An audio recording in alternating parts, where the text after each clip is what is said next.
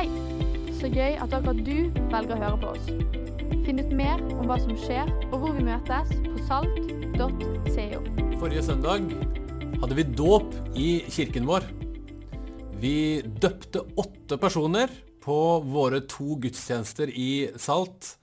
Og For meg personlig var det en viktig dag for vår eldste sønn, vår 14-åring, som har gått tentro dette året her.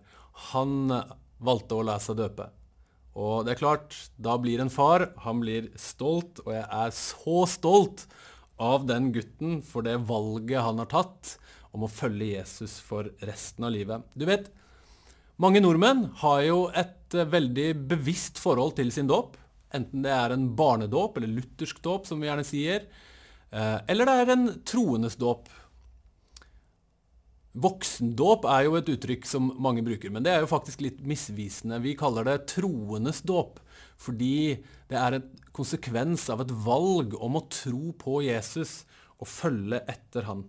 Mange nordmenn har jo et veldig bevisst forhold til det, mens eh, de fleste, tror jeg, ikke har et så bevisst forhold til det. Og følger kanskje bare tradisjonen i familien, eller mange år, færre og færre velger å døpe barna sine, og færre og færre mennesker blir døpt i Norge og lar seg døpe. Eh, og jeg tror at det i mange tilfeller er fordi man ikke vet hva dåpen er, eller hvorfor den er viktig. Du vet, dåpen den er egentlig et ledd i en kjærlighetshistorie. Forrige helg så hadde jeg også gleden av å vie et ektepar det var faktisk vår nevø, eh, Joakim, som eh, fikk sin Pauline. Eh, og ja, det er jo litt rollekonflikt å vie noen i nær familie. Første gang jeg gjorde det, det var i fjor høst. Og da viet jeg da min søster. Og for litt siden skulle jeg fortelle om dette i en middag som jeg var i. Og da kom jeg i skade for å si i fjor så viet jeg min kone. Uh, og det falt ikke helt i god jord, for å si det sånn. Men uh, Joakim fikk sin Pauline i går, og ekteskapet, det er jo en pakt. Der man lover hverandre troskap i gode og onde dager. Men så er det ikke i vielsen at kjærligheten mellom de to starter. Nei, den startet mye tidligere, men så har det utviklet seg en dyp kjærlighet mellom de to, og så uh, ble det en vigsel. Så ga de seg hverandre sitt ja. Og På samme måte som ekteskapet er en pakt, så er også dåpen en pakt. Der vi sier ja til den kjærligheten som Gud har til oss. Så er det ikke der kjærligheten starter. Den kan starte på veldig mange ulike måter. Eh, og man kan ha en relasjon til Gud, og man kan eh, elske Gud og tilhøre Gud og tro på Han eh, uten å være døpt. Men etter hvert som relasjonen til Gud vokser, og etter hvert som kjærligheten fra Gud blir større og tydeligere for oss, så vokser det et naturlig ønske fram om å forplikte seg til den kjærligheten. og Det er derfor vi døpes. Og, og da står dåpen der som en merkedag i vår trosreise. Sånn som ekteskapet står som en merkedag for et ektepar. I gode og onde dager så holder vi fast ved det som vi har lovet. Eh, det kommer gode dager når det er lett å tro på Gud, men så kommer det også onde dager hvor det ikke er så lett å tro på Gud, og ikke er så lett å oppleve at Han er nær. Men da står dåpen der som selve den merkedagen der ja, men jeg har jo valgt å tilhøre Han, og jeg har valgt å følge Han. Du vet, Gud han har en kjærlighetshistorie med hver enkelt en av oss. Vi er på vei i mange ulike retninger i livet. Mer eller mindre bevisst på hvor vi er på vei. Mer eller mindre oppmerksom på Gud og hvor han er oppi det hele. For noen så er det jobb og karriere. Det betyr veldig mye. Setter retningen for livet. Eh, for andre kan det være venner. Det betyr alt hva vennene synes. For noen igjen kan det være materielle ting, penger, status, jakten. Det blir aldri nok. Eh, for noen igjen kan det være jakten etter lykkefølelsen eller spenningen som definerer retningen i livet. Vi er på vei i mange ulike retninger, Og bak alt sammen så ligger det djupe eksistensielle behov og eksistensielle spørsmål som gjerne kommer til overflaten med jevne mellomrom. Og heldig er da den som har en venn som kjenner Gud, og som er i stand til å kunne formidle noe av den kjærligheten som Gud har til det mennesket, det hjertet som Gud har for det mennesket. En som kan bygge bro til tro, som vi sier i vår kirke, mellom Gud og et menneske. Og Det er en sånn fortelling som vi skal til, og jeg håper i løpet av de neste minuttene at jeg kan være med og inspirere deg til, som er troende, til å se de mulighetene som du har i din hverdag til å formidle noe av det hjertet fra Gud. Og om du ser på, eh, og du er på avstand fra Gud, eller du definerer deg som en som ikke tror, så håper jeg at eh, jeg kan formidle noe av Guds kjærlighet og hans bankende hjerte til deg. Vi skal til apostlenes gjerninger, kapittel 8, vers 26. Og Det er en fortelling om Philip, som var en av Jesus sine tolv disipler. Og vi leser En engel fra Herren talte til Philip og sa:" Gjør deg klar og dra sørover på veien fra Jerusalem til Gaza. Dette er en øde strekning. Philip gjorde seg i stand og dro av sted. Han fikk se en etiopisk hoffmann, en høy embetsmann som hadde tilsyn med skattkammeret hos Kandake, dronningen i Etiopia. Han hadde vært i Jerusalem for å tilbe. Nå var han på vei hjem og satt i vognen sin og leste fra profeten Jesaja. Da sa ånden til Philip, gå bort til vognen og hold deg tett opp til den. Jeg har en svakhet, og det er at det ofte skjer så mye oppi hodet mitt. Det er så mange tanker der tenker på ting hele tiden. Kanskje er det for mye der oppe, jeg vet ikke. Men familien min de har jo måttet eh, venne seg til dette opp igjennom. Jeg har en kone og jeg har tre barn som ikke er så små lenger. Eldstemann som ble døpt, han er 14, og så har vi en på 13 og en på 10. Eh, men eh, de har jo måttet venne seg til det, og det skjer jo stadig vekk det, når vi er ute og kjører eller er på vei et sted, og så sies det noe da fra en av de andre i min retning som er retta mot meg. Og så hører jeg det. Det er ikke det at jeg ikke hører det, det er bare det at det ligger så mange andre tanker foran i køen på den harddisken her oppe, så det tar litt tid før vi kommer til det. Det kan gjerne gå både 10 og 12 og 15 og 20 sekunder før det da kommer en respons fra meg. Men da er jo det selvfølgelig en meget intelligent respons. Eller eventuelt det kommer et 'Hva sa du nå?' Og de har bare lært seg til det at uh, hvis du venter, så får du svar. Men du vet, det går an å være til stede uten å være til stede. Og det er det sikkert flere som kan kjenne seg igjen i. Men Gud, han er en Gud som er til stede. Du vet, Et av Jesus sine viktigste budskap var at Guds rike har kommet nær. Gud sjøl har kommet nær. Han ønsker å være nær, og så vil han at vi skal være nær og bære med oss noe av hans nærvær. Hvis vi skal ha et nærvær så må vi være nær. Og Det første Ånden ber Philip om i denne teksten, her, det er å holde seg nær til vognen. Være til stede. Og jeg tror han ber oss som er troende i dag, om å gjøre det samme. Vær nær. Vær til stede. Ikke sveip videre. Ikke vær et annet sted ikke tenk bare på hva du selv er så opptatt av, eller hva du skal si eller få fram. Ikke vær så full av dine egne tanker og ideer at du ikke er i stand til å være nær. I et oppmerksomt nærvær og oppdage når det kommer en vogn forbi med en mann som er på let.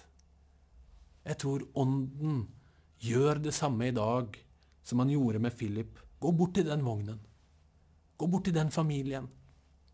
Gå bort til den klassen, det idrettslaget, den studentgruppen, og hold deg nær til den. Vær nær, for det er sånn Gud er. Det er et uttrykk for hans hjerte. Han har hjerte for hvert menneske, og vi kan være sånne som representerer han og bærer med oss hans hjerte for hvert menneske. Vi leser videre. Philip sprang bort. Og da han hørte at han leste fra profeten Jesaja, spurte han, Forstår du det du leser? Hvordan skal jeg kunne forstå, sa han, når ingen forklarer det for meg? Så ba han Philip komme opp i vognen og sette seg ved siden av han. Det stykket i Skriften han holdt på å lese, var dette lik en sau som føres bort for å slaktes, lik et lam som tier når det klippes, åpnet han ikke sin munn. Da han var fornedret, ble dommen over han opphevet. Hvem kan fortelle om hans ett? For hans liv er tatt bort fra jorden. Det var jo litt kryptisk. Jeg tror jeg også hadde trengt en forklaring. Hoffmannen sa da til Philip, si meg, hvem er det profeten taler om her? Er det om seg selv eller om en annen? Da tok Philip til orde. Han begynte med dette skriftstedet og forkynte evangeliet om Jesus for ham. Du vet, Philip han kunne jo lett begynt i andre enden. Han var jo en av de tolv som hadde levd tettest på Jesus i årevis. Og han hadde vært til stede nettopp den påsken da Jesus ble korsfesta og døde og sto opp igjen. Han kjente godt til denne, profet, denne profetien fra Jesaja 53 han visste at det var Jesus som var oppfyllelsen av den profetien. Han kunne bare begynt å snakke, han. Når han hørte at hoffmannen jobbet med dette og leste dette, så kunne jo Philip bare begynt å fortelle. Men han gjorde ikke det. I stedet stilte han spørsmålet forstår du det du leser. Skjønner du det? Og så lytta han først. Det er forskjell på det å bli forstått og det å bli forklart. Ingen av oss liker å bli forklart eller definert eller satt i bås, men samtidig så er det jo dypt menneskelig, da. Når jeg møter deg, at jeg forsøker å få deg til å passe inn i mine referanser og mine oppfatninger. Vi kan møtes, vi. Og så kan vi få en god tone, og det blir lett atmosfære, og så forteller du at du er psykolog eller håndverker eller, eller journalist eller, eller arbeidsledig, eller fra USA kanskje. Og så kommer det en hel haug med forestillinger som jeg har, som blir aktivert. Og så blir samtalen en annen. Og Samtidig så reagerer da de fleste av oss ganske negativt på nettopp det å bli plassert i bås. På at noen forsøker å forklare oss og definere oss. Og vet du hva? Helt ærlig så tror jeg at dette er noe av problemet i veldig mange trossamtaler. Jeg tror mange trossamtaler strander akkurat her. Fordi vi som er troende, vi har jo såpass sterke trosforestillinger og kategorier og definisjoner. Og jeg tror at i møte med mennesker som er på let, eller som ikke tror, så kan det bli ganske provoserende. Men så er det ikke sånn Gud er. Det er jo ikke sånn en relasjon oppstår. Gud er jo ikke sånn at han setter opp noen båser og kategorier, og hvis du passer inn der, ja, da kan jeg like deg, gutten min. Nei, det er ikke sånn Gud er. Han finner oss der vi er, han. Han finner oss der vi er. Gud, han er en Gud som kommer nær der vi er, og som hører på oss, og som identifiserer seg med oss og med våre savn og våre lengsler. Det er sånn Gud er. Han forstår oss. Når Moses får sin kallsopplevelse med den brennende busken, så sier Gud følgende, 2. Mosebok kapittel 3 vers 7. Herren sa, 'Jeg har sett mitt folks nød i Egypt.' 'Jeg har hørt skrikene deres under slavedriverne. Jeg kjenner deres smerte. Han kjenner din og min smerte. Han identifiserer seg med vår smerte så til de grader at han faktisk bærer vår smerte. Og det er jo nettopp denne teksten som den etiopiske hoffmannen leser fra Jesaja 43. Det er nettopp det den sier. Vi gikk oss alle vill som sauer. Jesaja 53, vers 6. Hver tok sin egen vei, men skylden som vi alle hadde, lot Herren ramme han. Han ble mishandlet, han ble plaget, og han åpna ikke munnen. Lik et lam som føres bort for å slaktes, lik en sau som tier når den klippes. Og han åpnet ikke munnen. Og vers 5. Men han ble såret for våre lovbrudd, knust for våre synder. Straffen lå på han. Vi fikk fred.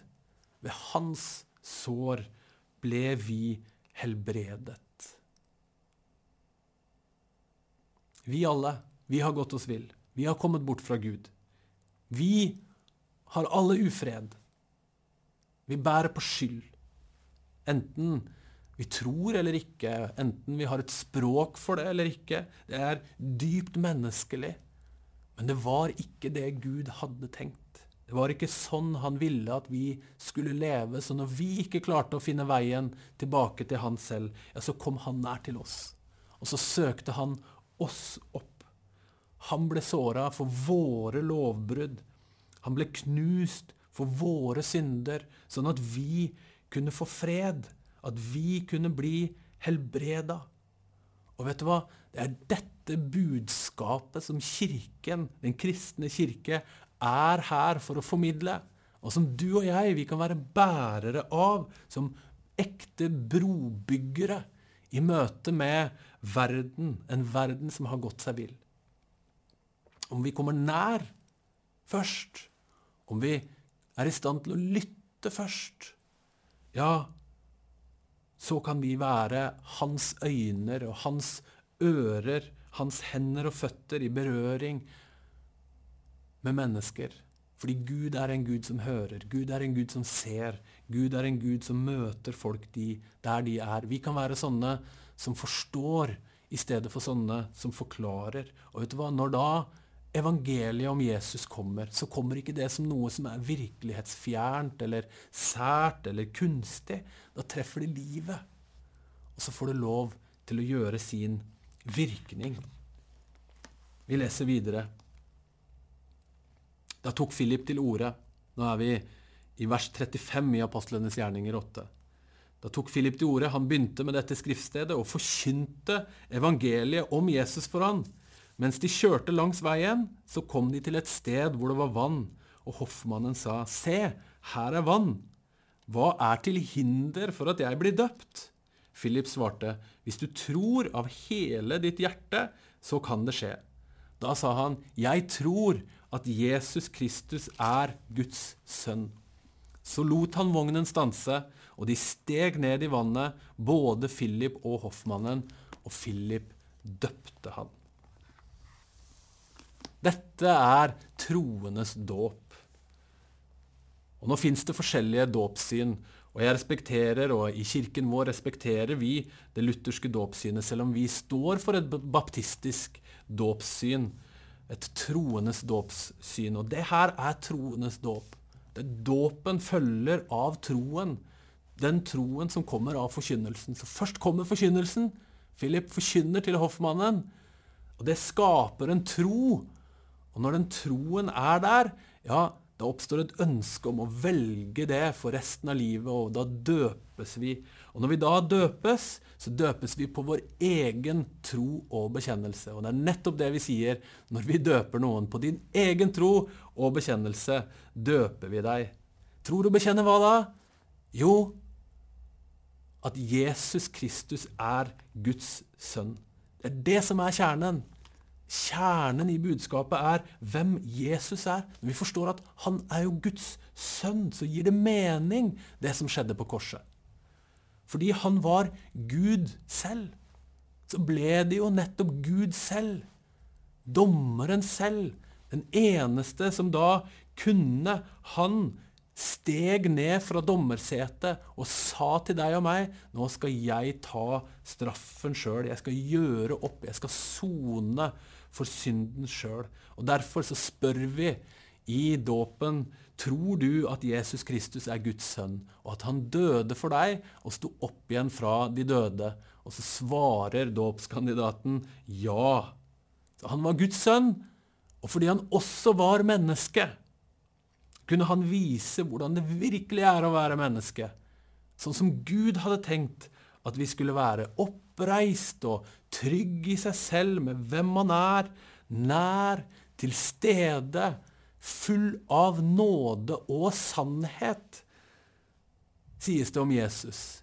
Sånn Gud hadde tenkt at vi mennesker skulle være. og Derfor så kan vi følge Han, og derfor spør vi i dåpen Velger du å følge Han som herre og mester resten av livet ditt? Og så svarer dåpskandidaten ja. Og det baptistiske dåpssynet så dykkes vi helt under i dåpsgraven. Kroppen skal helt under vann. For å symbolisere nettopp det at vi legger igjen det som er det gamle livet.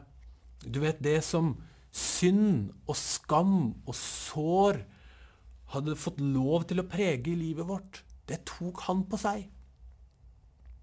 I sin kropp tok han det, og så bar han det opp på korset, og så døde det med han der. Og når Jesu kropp ble lagt i den graven, så ble det lagt i graven sammen med han. Og når vi dykkes helt under, så symboliseres det.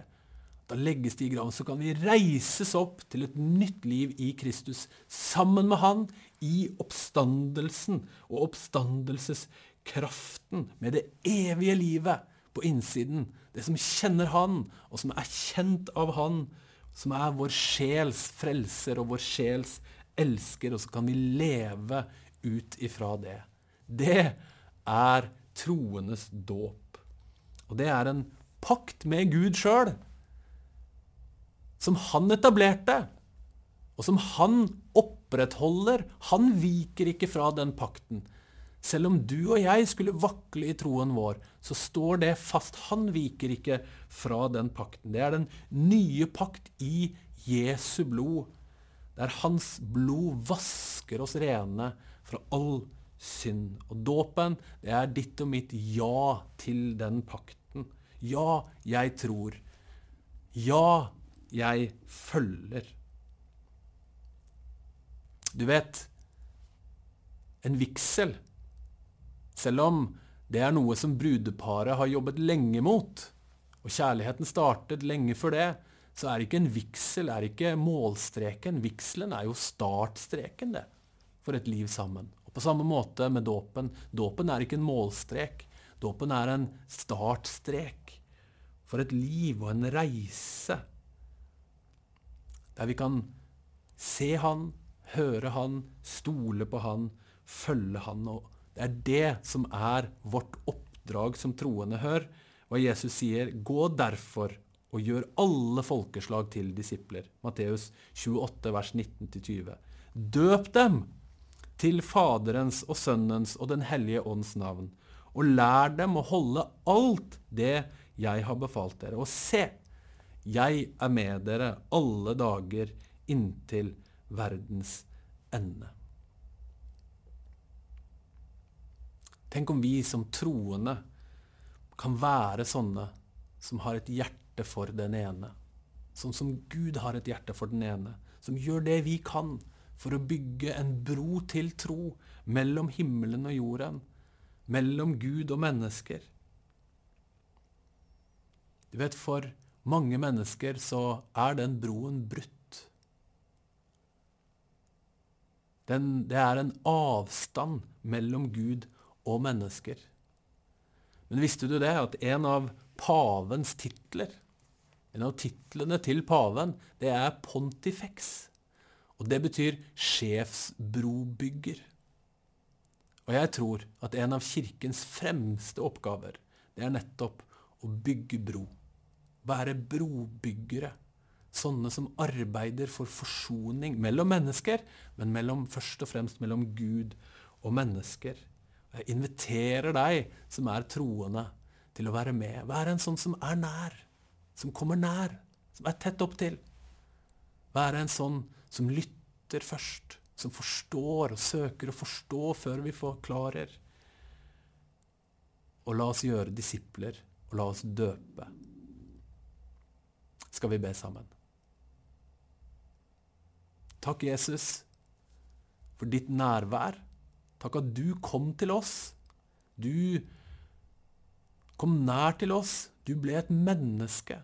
Og så identifiserte du deg med oss i all vår smerte og med alt det som vi går og bærer på. Herre, du tok det på deg. Så bar du det opp på korset for at det ikke skulle definere våre liv. Takk for det, Herre.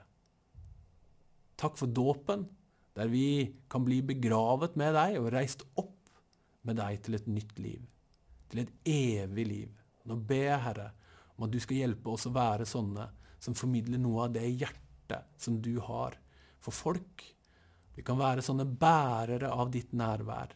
Vi kan være dine ører og dine øyne som ser, dine hender og føtter som er i berøring med de menneskene og den verden som vi har rundt oss. Hjelp oss å være sånne som kan bygge bro til tro. Og være sånne som bringer deg nærmere folk. Amen. Hvis du ikke kjenner Jesus og ikke har en tro, så inviterer jeg deg til å ta kontakt med en kirke eller noen kristne mennesker, eller også her på kanalen finnes det muligheter for å ta kontakt for å bli, bli en kristen, for å begynne å tro. Du er varmt velkommen. Gud velsigne deg. Takk for at du hørte på. Håper vi snakkes enten her eller i kirken neste søndag. Ha en nydelig uke.